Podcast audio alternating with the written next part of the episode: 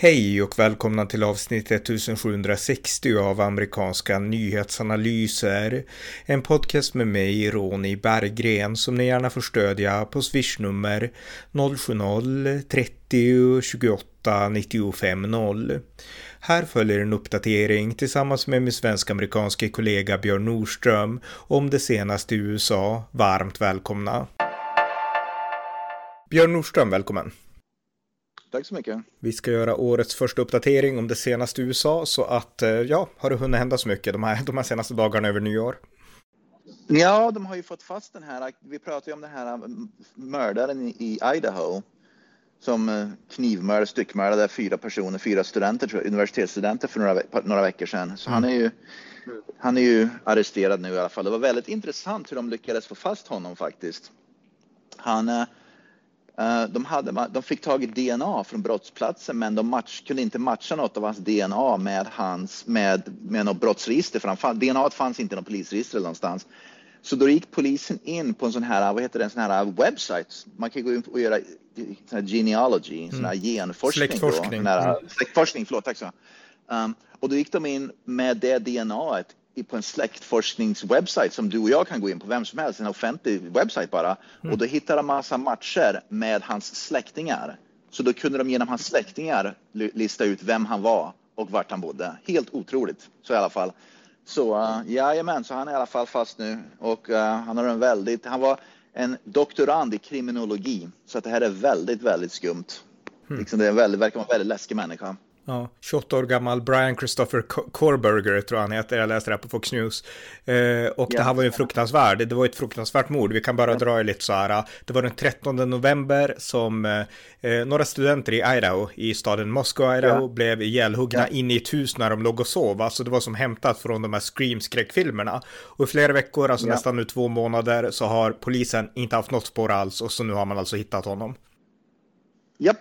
Mm. Så att, uh, uh, och uh, han, han pluggade tydligen som doktorand på Washington State University, Pullman, Washington, vilket ligger bara en dryg mil från Moskva, Idaho. Så att, men han, de fick tag i honom i Pennsylvania i alla fall, så att han hade flytt till Pennsylvania. Mm. Ja, men eh, fantastiskt. Alltså det är ju otroligt goda nyheter. För jag menar, hela, hela communityt där, jag har sett på en del nyhetsinslag, de har ju levt i skräck, ja. liksom i ovisshet om kan det här hända igen. Jajamän, det är en jätteliten stad och något liknande har ju aldrig hänt i den lilla byn. Så, så att eh, det kan de alla se ut, ut lite grann. Ja. ja, något annat? Jajamän, vi har pratat mycket om de här woke-filmer och tv-serier och allt sånt där böcker som har med woke att göra, går ut skogen. Jag läste, jag vill inte rabbla upp alla, men, men jag läste att den ena filmen efter den andra som var woke då, som kom ut 2022, oavsett om det handlar om liksom pusha fram wokes ideologiska agenda eller liksom ha ha HBQT som superhjältar eller vad det nu var. Alla gick med brakförlust. Det har varit en väldigt dålig business i entertainment industry oavsett om det är böcker, tv-serier, filmer på bio och så vidare var för woke-rörelsen. Och det säger en sak att när man, när man skapar underhållning, när fokuset inte är på en bra story, fokuset ska ju normalt tycker man vara på en bra storytelling, det ska mm. vara liksom, men när fokuset är istället på att man ska måla upp något helt annat, man liksom har någon, någon politisk ideologi som man ska framföra, och man struntar i storytelling, då går det åt skogen. Och det är väldigt bra att se att, att så var fallet. Den filmen som har gått bäst i USA under 2022, det var ju den här Top Gun Maverick. Man är, det har, den var anti-woke och istället är den jäkligt, bara en bra underhållande film helt enkelt. Och så att eh, det visar att, att liksom människor vill se bra underhållning och det är inte det att man är emot det här eh, HBQT eller något sånt där. Det är bara det att fokuset ska vara på bra underhållning, inte på att framföra polit någon slags ideologi. Nej, exakt, exakt. Eh, ja, något annat? Jajamän. Uh, det här gräns, gränsproblemen visar sig nu vara ännu större här vid mexikanska gränsen än man trodde. Det är inte bara det att antalet illegala immigranter som strömmar in är mycket. Väldigt många av de illegala immigranterna som korsar gränsen nu mot USA och även som då är vid gränsen mot Mexiko som väntar på att korsa gränsen in till USA kommer med trauma bakom sig. De kan ha varit offer för offer för eller har sett, eh, liksom observerat, var liksom delaktig, var, ja, på ett eller annat sätt. Um, liksom human trafficking, um, liksom olika våldsbrott. Liksom att att de har väldigt mycket trauma de kommer med. Så det visar sig att många av migranterna som kommer har PSTD, sån här uh, post traumatic, uh, sådana som soldater som får krig kommer hem med. Mm. Så inte nog med att de kommer över gränsen. Nu måste man, här i USA har man nu börjat, liksom när, när de här kommer in då illegalt, måste man börja behandla dem för samma traumatiska upplevelser som soldater i krig. Och det skapar ju oerhörda problem, inte bara det med att det kostar massa pengar, utan det skapar ju också problem med att, att, att de kommer in med massa trauman som de sen liksom som hamnar i det amerikanska samhället mm. som inte hade funnits här annars. Och det skapar också, tycker jag, ett problem med ett rättviseproblem. Människor i USA som, som genomlidit trauman får inte samma gratis behandling som illegala immigranterna som korsar gränsen. Och de kommer in här nu illegalt och får massa gratis behandling av, av liksom sjukvårdssystemet som inte amerikaner får. Och det är ett oerhört orättvist system. Det, det här är en jätteviktig poäng du tar upp. För samma debatt ungefär, kanske inte lika uttryckligt, för här tas det för givet nästan i Sverige att om man inte hjälper, alltså just det här med trauman och att de har problem och att det ligger något bakom liksom deras liv och sådär. Det är på något sätt, liksom, det används här som ett argument för att ge dem rätten att komma till Sverige och få dem alla, och här får alla liksom rättigheter i världen. Vi hade ju till och med den här polischefen för några år sedan, hette han Dan Eliasson, som sa att vad har den här killen, den här stackaren varit med om? Och så pratade han om någon, om det var någon sån här äh, sexist eller någon utländsk våldtäktsman eller något liknande. Det var i alla fall en utländsk Precis. brottsling och han undrade vad har den här stackaren varit med om liksom. Så jag menar, det argumentet att liksom deras trauma på något sätt legitimerar att de ska komma hit, det är ett helt vickat argument. Jag menar, vi kan absolut eh, liksom tillstå att det är synd om dem och att de absolut är, eh, de behöver hjälp och så, men vi måste samtidigt inse att vi i våran lilla nation, i det här fallet Sverige, i ditt fall, nu bor du i ett större land i och för sig, men, men liksom i USAs fall, alltså primärt så är länder till för länders egna medborgare. Det är faktiskt så. Och man kan inte hjälpa hela världen, utan sättet att hjälpa då, det är att skicka ut hjälparbetare till deras länder för att liksom hjälpa dem på plats eller för att hjälpa deras länder att få liksom stabila system och liknande. Så kan man göra. Man kan åka ut i världen från stabila länder och hjälpa till, men man kan inte ta in hela den här dysfunktionella världen in i våra egna länder, därför att då blir hela världen till slut dysfunktionell, det, tänker jag. Ja, precis. Och även då systemen som finns, om det är sjukvårdssystemen, de här psykiatriska systemen, olika systemen som finns i då USA och Sverige, då, i USA i det här fallet, är ju dimensionerade då för en viss befolkning, för en viss storlek på befolkningen och för en viss ström av liksom, man, man, har, man har dimensionerat till, man vet ungefär hur många som kommer in och använder systemet varje dag, varje vecka, varje månad, varje år. Och helt plötsligt så bara väljer det in då hundratusentals migranter över gränsen som alla då ska ta del av det systemet. Mm. Och, eller miljontals under ett år år helt plötsligt. Då, va? Nummer ett, skattebetalarna får stå för den summan när skattebetalarna själva inte får ta del av systemet på grund av att de kanske inte har försäkring här i USA. Va? Då är det bättre att vara illegal invandrare. Men också det att systemen som vi ser i Sverige, då här i USA med nu, börjar ju överbelastas. Mm. Och helt plötsligt då så, så brakar systemen ihop. Va? Och det finns ju inte tillräckligt många, vad ska man säga, läkare eller psykiatrer eller psykologer vad det nu är som behövs för att liksom ta hand om alla människor som bara strömmar in. Och då är det ju, då, då är det bara kollaps som gäller. Va? Och då, det förstör ju för hela samhället. Då. Det som amerikanerna har byggt upp, eller då i Sverige som svenskar har byggt upp, det kollapsar ju. Och det förstör då för de personerna som har byggt upp det.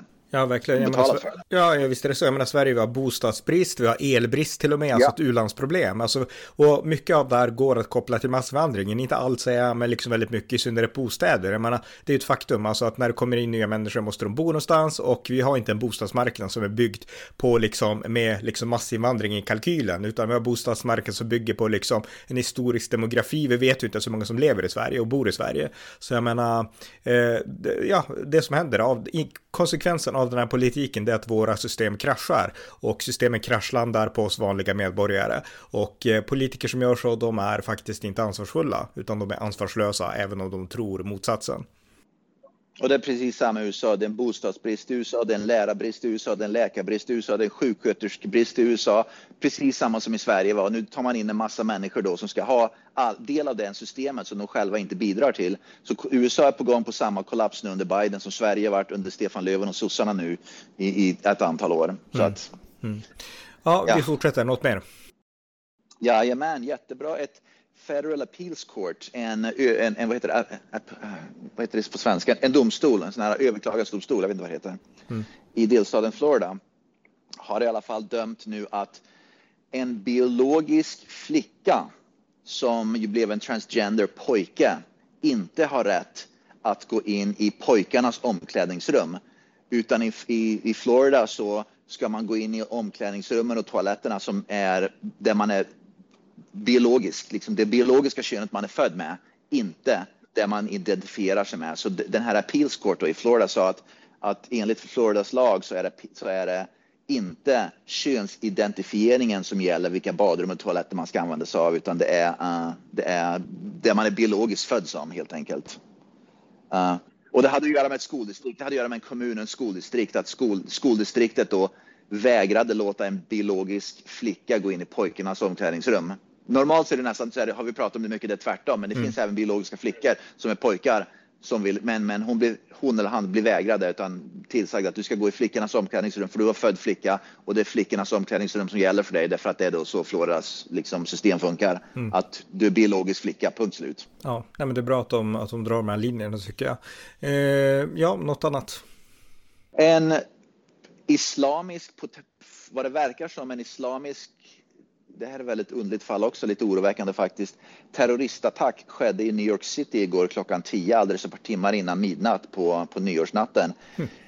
En vit kille, jag vet inte, han verkar vara ungefär 20 år, det jag läst om. En vit kille som har radikaliserats av islam av någon anledning. För tre, fyra år sedan så, så hoppade han in på islam och ville bli muslim. Radikaliserades och, och attackerade tre stycken poliser med en vad heter det, machete, en sån här stor kniv. Mm. Och försökte hugga ihjäl tre poliser i i, i centrala Manhattan igår kväll. Ingen polis blev dödad, men par, två stycken blev svårt skadade. Uh, en polis sköt honom i alla fall, så killen blev skjuten och ligger på sjukhus nu. Sen kommer att, att anhållas. Och tydligen för tre, fyra år sedan, så den killen var eh, um, FBI hade börjat få upp ögonen för den killen därför att han hade radikal, radikaliserats inom islam och hade börjat gå ut lite mer officiellt med, förmodligen gissar då, i social media och uh, gjort uh, oroväckande uttalanden om, uh, om uh, våld och muslims, liksom, ja, om, om det här ty, ty, typiska köret när det gäller liksom, muslimska terrorister mm. i alla fall. Och det var en vit kille som jag tror ingen hade överhuvudtaget. Han var inte klädd som en muslimsk eh, terrorist eller någonting, utan han, han, han körde under radarn igår helt enkelt. Va? Just det, mm, mycket intressant. Eh, en annan sak som jag kan uppdatera som man har fått statistik om gällande midterms. Eh, Republikanerna, de förlorade ju generellt, även om de kommer att ta över representanthuset, men det var ju ändå liksom, det var en demokratisk liksom seger ändå i midterms. Men det, statistik visar nu från eh, AP Wotcast att svarta har röstat på republikanerna i större utsträckning än tidigare. Den här gången så fick de republikanska kandidaterna stöd av 14 procent av USA svarta och det ska jämföras med 8 procent i midterms 2018. Så att ett ökat stöd från svarta för Republikanerna och det tycker jag är jätteintressant. Ja, det har vi pratat om när Trump vann valet 2016. Det var ju tack andelen svarta som röstade på Trump var högre än de som röstade på uh, Republikanerna 2012. Vi pratade också om det att allt fler latinamerikaner hoppar ju över och det var ju tack vare latinamerikanerna, kubamerikanerna som Trump vann Florida 2016. Va? Och vi har ju pratat om det här också förut att svarta latinamerikaner har ju ofta liksom per automatik röstat på Demokraterna för det har liksom bara varit så. Det är som att invandrare röstar på Socialdemokraterna ungefär. Men nu gör de inte det längre. Demokraterna kan inte helt enkelt ta latinamerikanernas och de svarta rösternas för givet och jag tror att de har börjat lära sig den läxan. Va? Därför att svarta latinamerikaner, det här har vi också nämnt förut i någon podd, eh, deras, vad ska man säga, deras uh, Eh, traditioner och deras kultur och deras, eh, vad ska man säga, deras värderingar ligger mycket mer närmare republikanerna. För de är, latinamerikaner och svarta är mer eh, konservativa än, än det demokratiska partiet. Va? Och jag tror att de börjar bryta sig ur det här demokratiska partiet och säga att vi ska rösta, inte baserat på vad vi, vad liksom vi förväntas rösta på, utan vi ska rösta på det baserat på våra värderingar. Och då blir det mer, mer och mer republikanskt och konservativt. Så är det ju bara. Mm. Eh, jag tänkte också nämna att den här ikoniska amerikanska journalisten Barbara Walters heter hon. Ja. Hon, vart, eh, hon avled i den 30 ja. december, alltså bara för några dagar sedan. Och hon är ju en super, alltså känd. Eh, nu, på, nu, på senare år så var hon ju med i The View tror jag och liksom pratade där ja. och kommenterade. Men när hon var yngre, då var hon ju en sån här toppolitisk reporter som intervjuade typ alla presidentkandidater. Och jag kollade på YouTube, det här gjorde jag för länge sedan, men hon, när hon intervjuade Jimmy Carter, Ronald Reagan, Richard Nixon, Bill Clinton och typ alla. Och hon var ju ganska liksom tuff och frän då för att vara kvinna på den tiden liksom. Så att det här är ju en av USAs stora liksom, vad ska man säga, kvinnliga, ja vad säger man? Ikoner. Ja, ikoner, ikoner. Medie, medieikoner ja. som har gått bort. Ikoner, ja. Ja, men det stämmer. Och eh, jag kan då bara säga att eh, här i Sverige har vi en journalist, eller en, ja, en programvärd som heter Marianne Rundström. Hon har gått i pension nu, hon arbetar på SVT. Jag vet inte om du vet vem det kan vara? Nej. Nej, men i alla fall. Det, det som var kul det var att de gjorde ett så här, hon är ju inte alls bra, hon har, har alltid varit värdelös när hon har kommenterat amerikansk politik, hon har varit med i olika så här eh, valvakor för SVT och liksom kommenterat. Och vid ett tillfälle så jämförde SVT henne med just Barbara Walters. Och det finns liksom inga likheter. Utan man, man beskrev, eller om det var Sveriges Radio, men då beskrev henne som Sveriges version av Bar Barbara Walters. Och det är ungefär som att jämföra, jag vet inte, mig med Tiger Woods liksom. Det finns inga likheter liksom. Precis, och det är det jag tror, men det visar också att, att den som gjorde den jämförelsen vet förmodligen inte vem Barbara Walters är annat än namnet, men egentligen inte vad hon har gjort genom åren eller årtionden. Hon var höll ju på det 70 år eller något sånt där. Mm. Mm. Nej, när man vet att hon var stor, men inte hur stor, för hon var ju, alltså, hon var ju jättebra, så jag tyckte verkligen att hon Hon var ju banbrytande, hon var ju mm. banbrytande, Barbara Walters med, så hon var väldigt banbrytande och liksom så vidare. Men jag tror inte SVT, så mycket annat när det gäller USA, så Sveriges Radio, SVT och så vidare har ju noll koll på vad som egentligen pågår. Så att det är inte förvånande mer än en underlig jämförelse. Nej, visst är det så.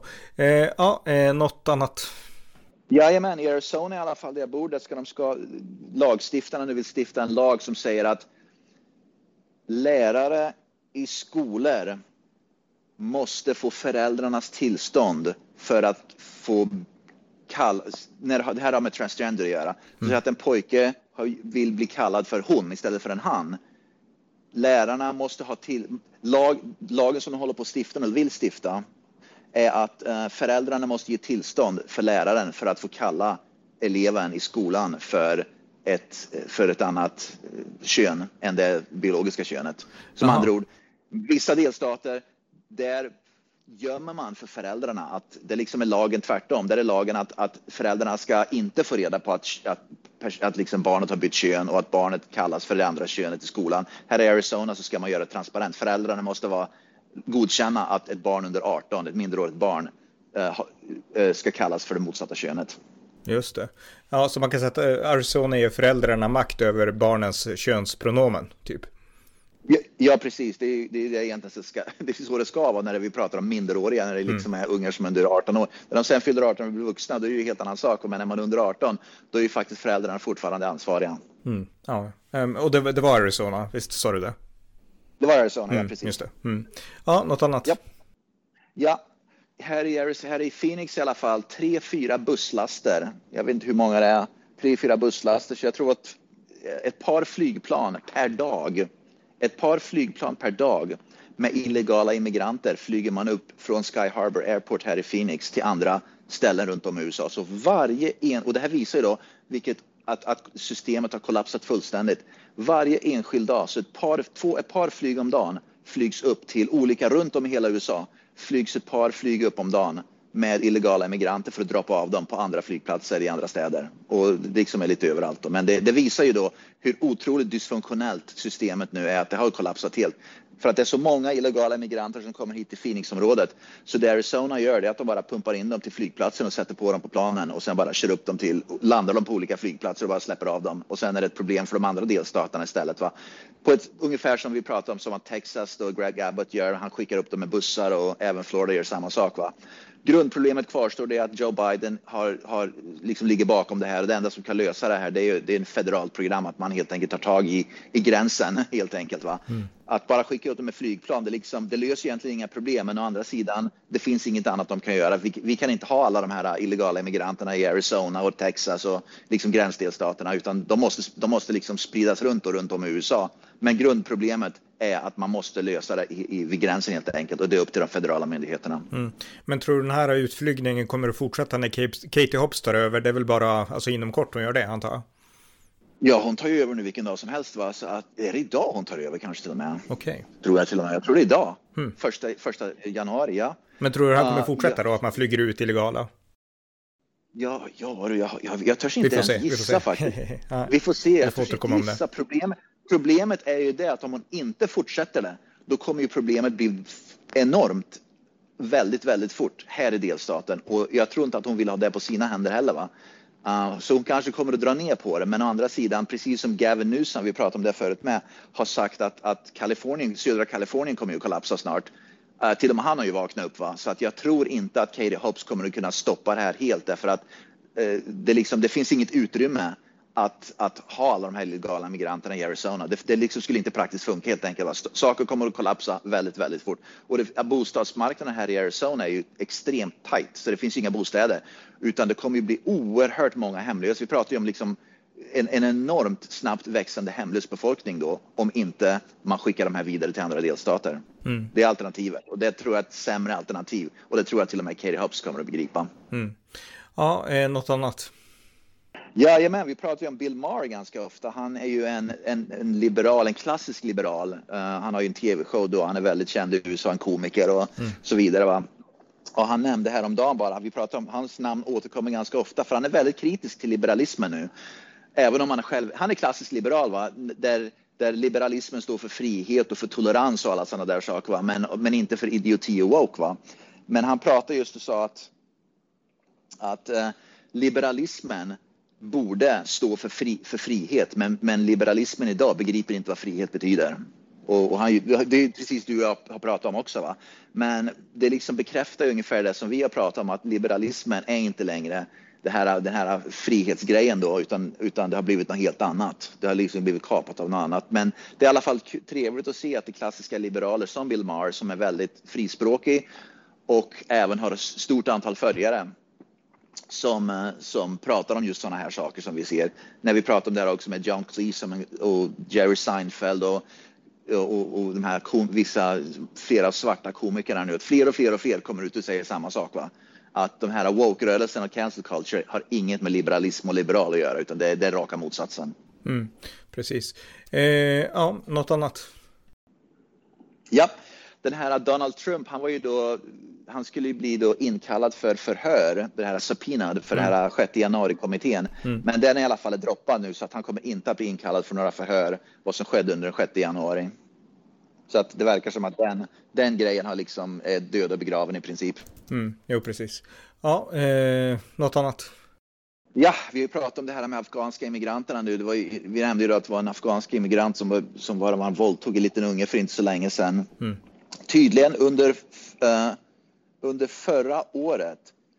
Uh, här i USA så har afghanska migranter då, och det är kopplat då till när USA drog sig ur Afghanistan och man tog med sig då afghanska afghaner då från Afghanistan. 100 000, 100 000 flögs till USA.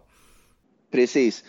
Och de, många av dem uh, bodde ju då temporärt på amerikanska uh, militäranläggningar. Nu har det visat sig att de af, afghanska migranterna som bodde på militäranläggningarna har, har förstört militäranläggningar för 260 miljoner dollar. Mm. Ungefär 2,5 miljarder svenska kronor.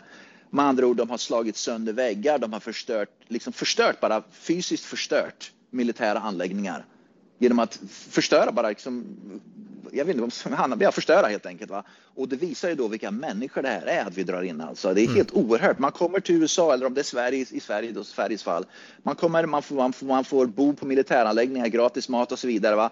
Och sen så dunkar man hål i väggarna, man krossar fönster, man slår sönder stolar. Och jag vet inte varför man gör det överhuvudtaget. För mig är det liksom helt obegripligt varför man gör det. Men i alla fall den ena militäranläggningen efter den andra som, som de har bott på har har, har liksom förstörts av just de migranterna då som kom över hit som skulle få hjälp av USA. Det är otroligt att man inte lär sig av läxorna med vissa av de här grupperna av människorna som då flyr, får, ja, citattecken flyr. Mm, ja, verkligen, verkligen. Eh, ja, något mer? Ja, Elon Musk, han har i alla fall sagt att han tänker gå vidare nu, att eh, han har varnat eh, media, förmodligen vänsterliberal media i första hand, men han har varnat vänsterliberal media att vi har bara sett början, det här är hans citat, och vi har bara sett början. Med andra ord, det som han har släppt nu via Twitterfilerna då, det har de gjort de senaste veckorna, det är bara början på det han kommer att släppa. Och tydligen så finns det väldigt mycket i Twitter som kopplar eh, vänsterliberal media till inte så trevliga saker. Mm. Så han har i alla fall lovat att han kommer att släppa mycket mer citattecken, ja, jag vet, skit om vad, vad media har hållit på med nu. Och eh, det finns säkert mycket som kommer att komma ut. Så att Um, han frestar nu, vad ska man säga, Twitterfolket med och oss Twitterläsare med vad som kommer att ske. Så det kommer att komma ut väldigt många fler skandaler under 2023 vad media har hållit på med. Så det verkar som att media är hans nästa stora grej som han kommer att, vad ska man säga, påvisa hur korrupt media är och hur de har liksom, hur Twitter då har varit inblandat i det. Mm. Ja, ja, intressant. En sak jag kan nämna är att Illinois nu när det har blivit årsskifte så har en ny fruktansvärt farlig lag gått igenom i Illinois. Och den heter ja. Illinois Safety Act och den här ger, alltså det är de progressiva i delstaten Illinois som har drivit på den här demokraterna då. Och eh, det innebär att brottslingar ska få många större rättigheter. Om man till exempel eh, har fotboja och så smiter man, då, ska man, då måste det gå 48 timmar innan man kan liksom ja. bli anklagad eller åtalad för att ha flytt. Och det är massa sådana saker som ska göra det lättare för fångar. Och eh, sheriffdistrikt i Illinois, runt, runt om hela eh, Illinois, de är jätteoroliga för hur ska de nu göra för att hålla allmänheten trygg mot de här brottslingarna som de bedömer kommer att bli, liksom, ja, gå fria och kunna ställa till otrevligheter på grund av det här. Och jag gjorde en podd i, i när det var mellanårsval, podd 1711, där jag pratade om eh, ja, ett, ett kongressrace där jag berättade lite grann om den här Illinois Safety Act. Men nu kommer den att verkställas och det här är helt enkelt, det är inte bra, utan det här, det kommer bli mer laglöshet i Illinois på grund av det här. Ja, visst, och det, det där med 48 timmar, det är, i, i bokstavligen så är det här, man ger dem 48 timmar att kunna fly innan man börjar, uh, innan man börjar vad ska man säga, efterlysa dem eller försöka få tag på dem mm. igen. Så vi, alltså, vi pratar om våldsbrottslingar som man säger, ni får gå ut utan fotbojor och sen har ni 48, på, 48 timmar på er att försvinna. Efter 48 timmar om ni inte kommer tillbaka, då kommer vi att efterlysa er eller försöka haffa er igen. Men man ger dem 48 timmar. Det är helt oerhört alltså. Speciellt när det visar sig det att, att, uh, att många av brottslingarna i New York har varit ett paradexempel på det. Många brottslingar i New York City som har kommit ut på grund av bail, att man inte behöver liksom betala en bail längre, man bara släpper ut dem på gatan. Då begår ju, begår, begår ju ett brott omedelbart direkt igen. Mm. Så brotten kommer att öka och du och jag kommer att prata i en framtida podd om inom en väldigt snar framtid att det är våldsbrottslingar i Illinois nu som har släppts ut de fick sina 48 timmar och inom 3-4 timmar så begick de ett annat våldsbrott och, och, och liksom förstört en annans familjs liv på grund av den lagen. Mm. Och sen så kommer de bli stämda. Det är precis så det kommer att sluta. Så det är bara frågan om vilken människas liv eller vilken familjs liv kommer de att förstöra genom att de låter brottslingar få den här chansen nu. Det är bara det är liksom det det handlar om. Det är inte om det kommer att ske, det är bara när kommer det att ske. Mm. Ja, nej men det, det, här är helt upp och nervänt. Det är likadant som när vi pratar om man ska tycka synd om brottslingar och liksom de här ja. illegala immigranterna. Jag menar, det går ut över de vanliga medborgarna och det är inte liksom, det är inte rätt, utan det är, det är fel att göra så här. Ja, men det är mm. så folk röstar. Man röstar ju på det i Illinois. I Illinois röstar man ju fram de där politikerna som, som gör det så. så att, å andra sidan, det är, liksom, det är lite grann som i Sverige, va? att man får ju det man röstar på. Man röstar fram de där politikerna som gör, stiftar de här lagarna och sen så röstar man fram samma politiker igen, ja, då, då, är det ju precis så man vill ha det. Va? Så är det ju mm. bara. Ja, lite så. alternativet, alternativet för de som inte vill ha det så, det är det vi ser nu. De flyttar ju till andra delstater. Det finns en anledning, och det vi pratat om där också förut, att, att Kalifornien och New York och Illinois tappar ett stort antal människor och Arizona och Texas och Florida ökar i befolkningen därför att människor som inte vill ha det där, den där galna, politik, den där galna politiken helt enkelt, va? de flyttar ju mm. till delstater som, är, som inte stiftar de där idiotiska lagarna. Och det är så mm. det slutar till sist. Ja, precis. Ja, något annat?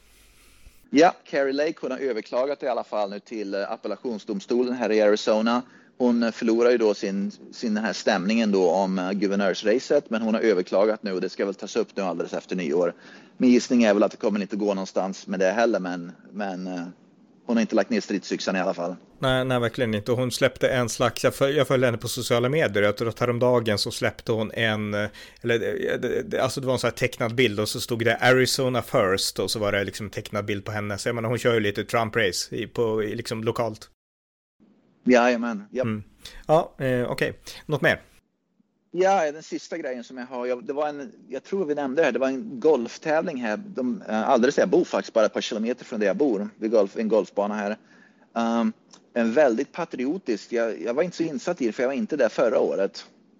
Men det är en patriotisk golftävling då som, um, som uh, vad heter det, hedrar militären i alla fall. Det är de bästa amatörgolfarna, collegegolfarna i världen som var där. Mm. Och det var väldigt, väldigt trevlig stämning. Det var liksom trevligt evenemang då där, där militären framställs som något väldigt positivt i alla fall. Och det, militären hyllas och det har att göra med ett partnership de har med Luke Air Force Base som ligger alldeles bredvid här. Men i alla fall, det var väldigt trevligt att vara där och titta på och uppleva ett stort evenemang där militären, det var en golftävling så det handlade om golfen då, men när framförallt militären hade, vad ska man säga, en väldigt stor um, presence. Och när militären hedrades på massa olika sätt och det var amerikanska flaggor överallt. Greenflaggorna var amerikanska flaggor, utslag, alldeles vid utslagen vid varje tis var det en amerikansk flagga. Så det var väldigt, väldigt trevligt att se att det var liksom, det finns fortfarande, vad ska man säga, evenemang där man kan hedra USA och militären. Um, och det var, jag såg ingenting, har varken sett någonting negativt i media eller inte ens i social media någonting där man klagar på att det liksom är, ja, att det var för mycket patriotism allt, utan det var väldigt, väldigt, väldigt positiva reaktioner mm. här i Arizona, även lokalt och där jag bor, till just det här evenemanget. Så det, det var verkligen, det var, det var trevligt att se. Ja, jag tror att du nämnde det här i förra avsnittet också som vi gjorde, men, men då hade du kanske inte varit där, utan du kanske var där efteråt. Var inte, mm. Precis, då skulle jag dit, men nu har jag, precis, då skulle jag dit, men nu har jag varit där, så att det var, nu har jag liksom fått erfarenheten så att det var ett kanonevenemang där, där liksom patriotismen flödar. Och, och jag nämnde förut, jag bor ju då i västra utkanten och det är väldigt um, Republikanerna är de som styr det distriktet som jag bor och det är väldigt konservativt så man ser ju skillnaden va men, men i alla fall um, bra evenemang och man ser, det är trevligt i alla fall att se att patriotismen i alla fall i vissa ställen du, fortfarande ja, har ett hemma. Ja, verkligen. Sista frågan då. Är, är, du bra på golf själv? Jag kan inte alls spela golf, utan jag, jag gillar Happy Gilmore-filmen, men, men jag kan inte spela golf. Ja, ja. Jag, jag är hyfsad, det är, det är väl, men, men uh, det var kul. Jag träffade flera svenskar också som var där, så tre svenskar som var där, så jag snackade mm. med dem en del också. Det var ganska roligt. Okay. Och även de tre svenskarna, varje, varje spelare då uh, hedrade en militär, så på deras golfbag så var det ett namn på en, på en person från militären då som hade en koppling då till personen i fråga. Så att även de svenska, tre svenska spelarna hade en koppling till någon amerikansk militär helt enkelt, liksom någon person då. Okej. Okay. Så att eh, det var, det var ganska kul att se. Och det var, och det var som jag sa, det var, det var liksom när det var öppningsceremonin då, liksom folk stod ju upp med handen på hjärtan och liksom, det var inga knäböjningar, det var inget av det där woke-skiten då, man ska böja knäna och allt sånt där, utan det var liksom, man var verkligen respekterade flaggan, man respekterade militären, man respekterade då nationalsången och så vidare. Va? Så att det var inget snack om att det var, det var respektfullt Just mot det. USA. Mm, mycket intressant. Okej, men då sätter vi punkt där, så ja. tack så mycket Björn. Tack så mycket. Ni har lyssnat till amerikanska nyhetsanalyser, en podcast som rapporterar rättvist om USA även när det kommer till republikanerna. Stöd gärna podden på swishnummer 070-30 28 95 0 eller via hemsidan usapool.blogspot.com på Paypal, Patreon eller bankkonto. Skänk också gärna en gåva till valfri Ukraina-hjälp. Vi hörs snart igen. Allt gott tills dess. Thank you.